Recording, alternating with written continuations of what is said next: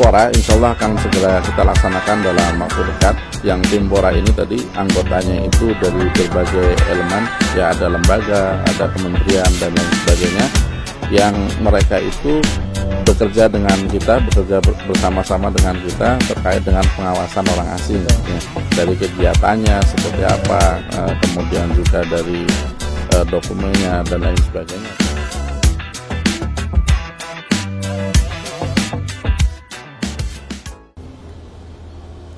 Ya, Assalamualaikum warahmatullahi wabarakatuh. Waalaikumsalam. Nah, sahabat Mindo di mana pun berada, saya Oksa Batiar Kamsah. Kembali kita di acara The Voice atau podcastnya Imigrasi Sukabumi. Nah, sebelumnya kita sudah membahas tentang paspor dan segala hal yang berkaitan dengan itu. Nah, sekarang kita akan membahas sesuatu yang sangat penting dan sudah hadir bersama kita Kepala Subseksi Penindakan Keimigrasian Kantor Imigrasi Kelas 2 Non TPI Sukabumi, Bapak Kasum. Selamat datang, Pak.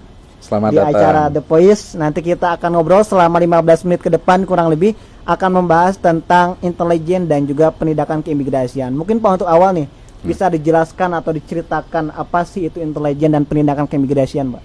Ya, baik.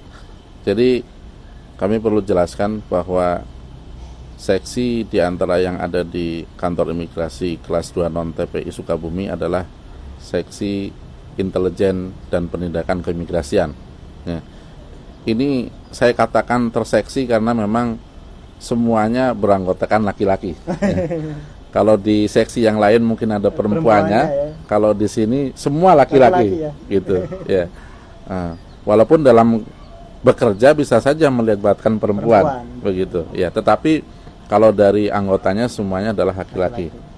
Nah, intelijen keimigrasian dan juga atau Intel Dakim ya intelijen keimigrasian dan penindakan keimigrasian ini kan Intel Dakim ada dua hal ya okay. ada intelijen dan juga ada penindakan, penindakan. ya kalau intelijen ini terkait dengan mencari informasi segala informasi ya terkait dengan masalah pelanggaran-pelanggaran yang dilakukan oleh baik orang asing maupun orang Indonesia yang melakukan pelanggaran keimigrasian dan juga melakukan pengawasan-pengawasan okay. ya jadi eh, selain juga selain intelijen juga melakukan pengawasan keimigrasian.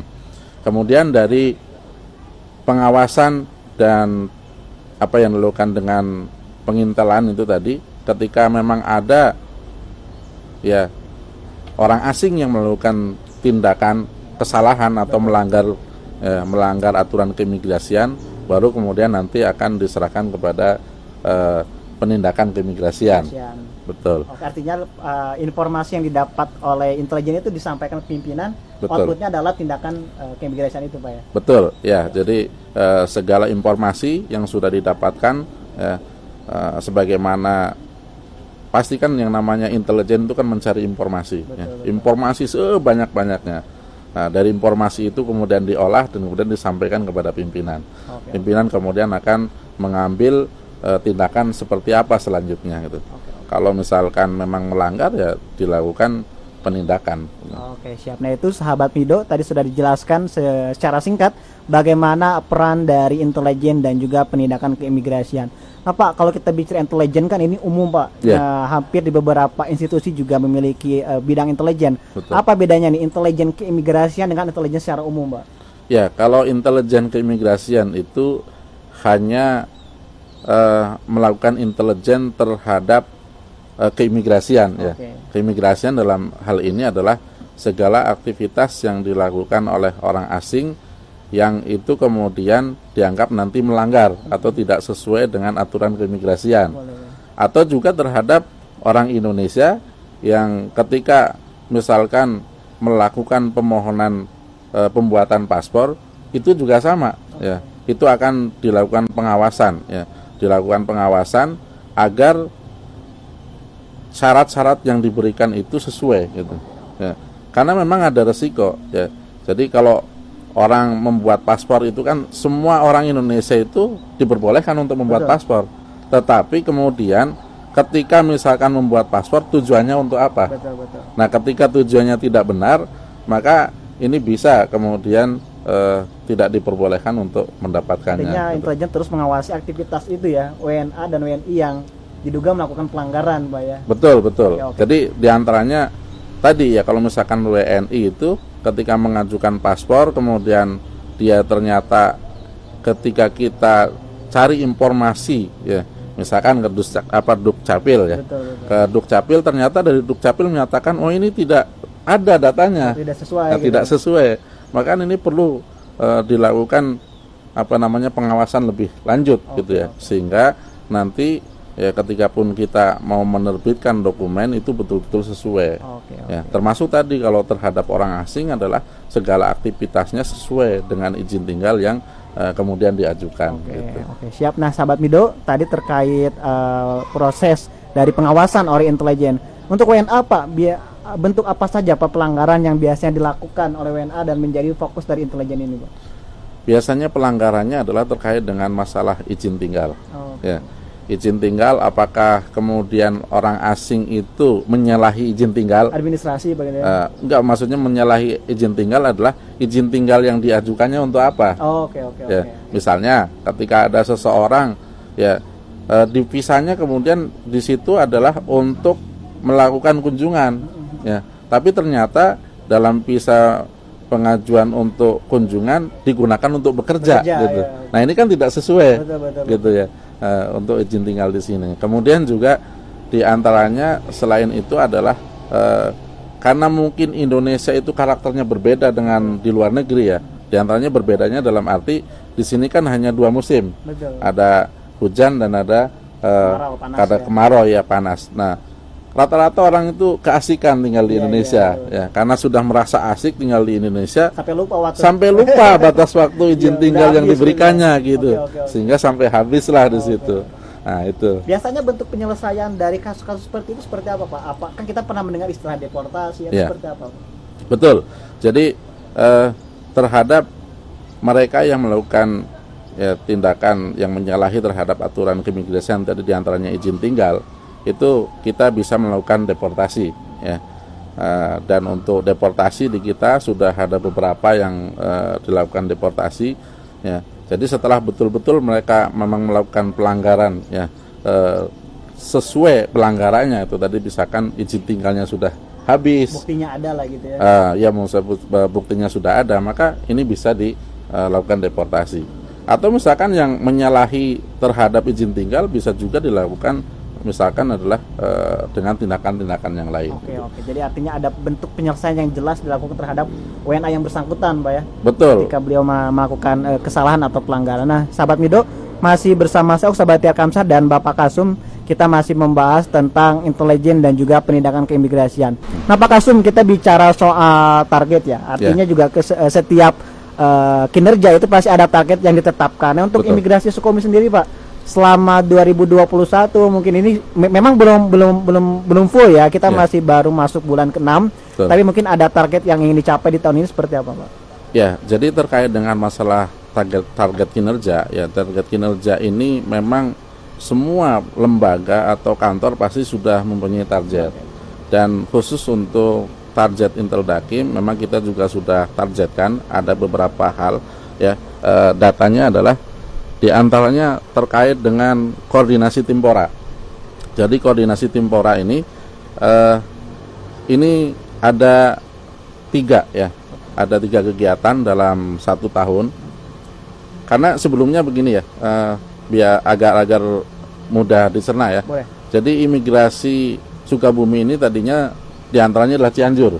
Oh, masuk Sukomi juga. betul Oh, Oke. karena Cianjur ternyata sekarang sudah ada kantornya tersendiri Sendiri. kantor kelas 3 maka karena sebelumnya masih gabung ke kita maka tadi jadi tiga kegiatan Oh.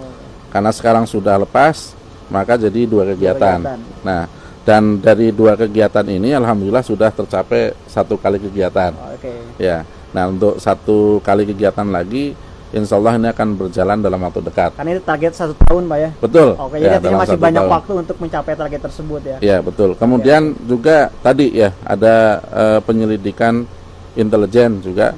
Ini eh, ada targetnya 24 kali. Kemudian ini sudah tercapai ya bahkan melebihi. Kemudian operasi mandiri ini ada enam kali. Eh, capaian saat ini sudah 8 kali ya. Oke, oke. Kemudian operasi gabungan ya operasi gabungan ini operasi yang melibatkan beberapa instansi. Oh iya. Ada dari kepolisian, ada dari TNI, ada dari kejaksaan, ada dari Pol PP dan lain sebagainya. Yang itu tergabung dalam Timpora. Oh, oke oke. Timpora itu adalah eh, tim pengawasan orang asing. Orang asing. Ya, itu dibentuk dalam Permen ya Peraturan Menteri nomor 50 tahun 2016. Ya, kemudian selain itu juga ada juga penyidikan. Nah, penyidikan ini alhamdulillah juga targetnya hanya satu dalam satu tahun dan alhamdulillah sudah P21 yang saya sebutkan tadi dan terakhir ini adalah eh, kebangsaan Nigeria. Ya, alhamdulillah saat ini sudah sidang perdana ya tinggal melanjutkan ke persidangan selanjutnya. Selanjutnya. Betul. Kem- kemudian terkait dengan TAK ya deportasi kita sudah melakukan deportasi tujuh kali. Oh, ya. itu juga. Jadi maksudnya tujuh orang. Tujuh ya. orang. Tujuh orang yang sudah kita deportasi. Rata-rata gitu. negara mana itu Pak biasanya? Itu ada eh, di antaranya ada Arab Saudi, ya. Kemudian ada juga dari Thailand, kemudian juga ada dari China- kemudian juga ada dari terakhir itu Jordan. Oh, Jordania ya. Betul. Oke oke oke. siap. Iya. Oke ya, sahabat kami Su eh, masih di acara The Voice atau podcastnya Imigrasi Sukabumi. Dari dari awal kita sudah membahas tentang peran intelijen dan juga penindakan keimigrasian. Tadi pun sudah disampaikan oleh Bapak Kasum tentang eh, target dan juga capaian selama 2021. Oke Pak terkait beberapa tadi pelanggaran sampai ujungnya itu dideportasi. Ada Ya. cerita menarik tidak Pak dari sejumlah eh, kasus yang ditangani oleh Imigrasi Sukabumi ini Pak? Oh iya, jadi untuk cerita yang menarik itu begini, cerita menariknya adalah ketika seseorang sudah mau dideportasi, Iya. ya, eh, ketika mau dideportasi, ternyata pas hari H karena dia tidak langsung ya, dia harus eh, ke Malaysia dulu, Transit ya, gitu. transit ke Malaysia. Ya. Sementara di Malaysia saat itu tidak menerima transit Oh iya iya. ya akhirnya batal gitu Iya, iya. ya karena batal ya kita eh, ulang ya jadi jadwal ulang eh, untuk keberangkatannya. Nah, nah ini masa pandemi memang Luar eh, biasa. luar biasa gitu Betul, di antaranya sampai sampai seperti itu. Itu yang pertama. Yang kedua ada juga aturan-aturan yang eh, saat itu negara tujuan itu mempersyaratkan beberapa hal. Ya mempersyaratkan eh, beberapa hal.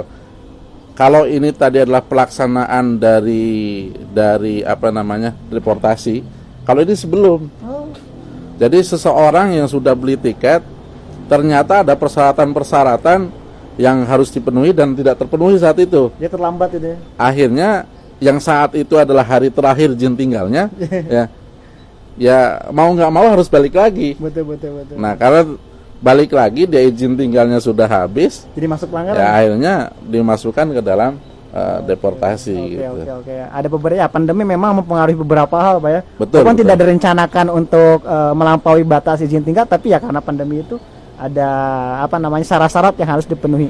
Nah pak, ini kan berkaitan dengan pelibatan masyarakat dan Ya. masih ada eh, beberapa bulan sekitar 5 atau enam bulan ke depan Ya. hingga target 2021 selesai. Bagaimana rencana atau strategi dari imigrasi Sukabumi untuk mencapai target tersebut dan melibatkan masyarakat dalam bentuk pengawasannya, pak?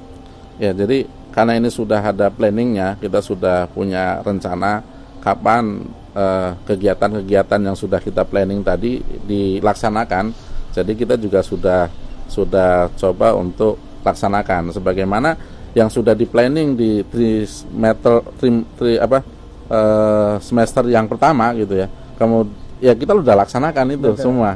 Nah, kemudian yang mau tri, tri semester yang ke- Kedua. keduanya itu juga insya Allah ya kita sudah hampir selesai juga. Nah, jadi kita ingin tetap pada pada premnya ketika ya eh, triwulan pertama ya kita lakukan ya selesaikan triwulan kedua juga kita selesaikan kemudian selanjutnya juga kita selesaikan.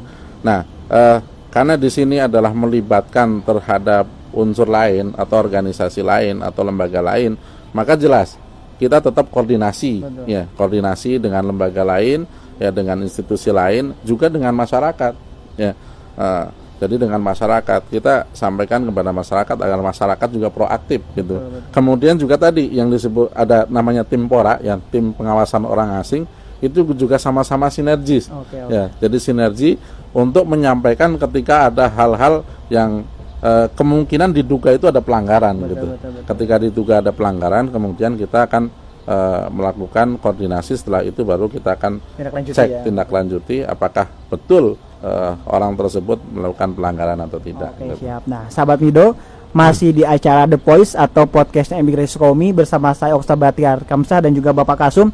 Nah Pak terakhir eh, kadang-kadang kan masyarakat mungkin menemukan eh, dugaan pelanggaran tersebut tapi bingung harus laporan ke mana. Apa mungkin imbauan dan juga ajakan dari Bapak bagi masyarakat agar bisa berpartisipasi dan mereka bisa lapor ke mana Pak ketika menemukan itu?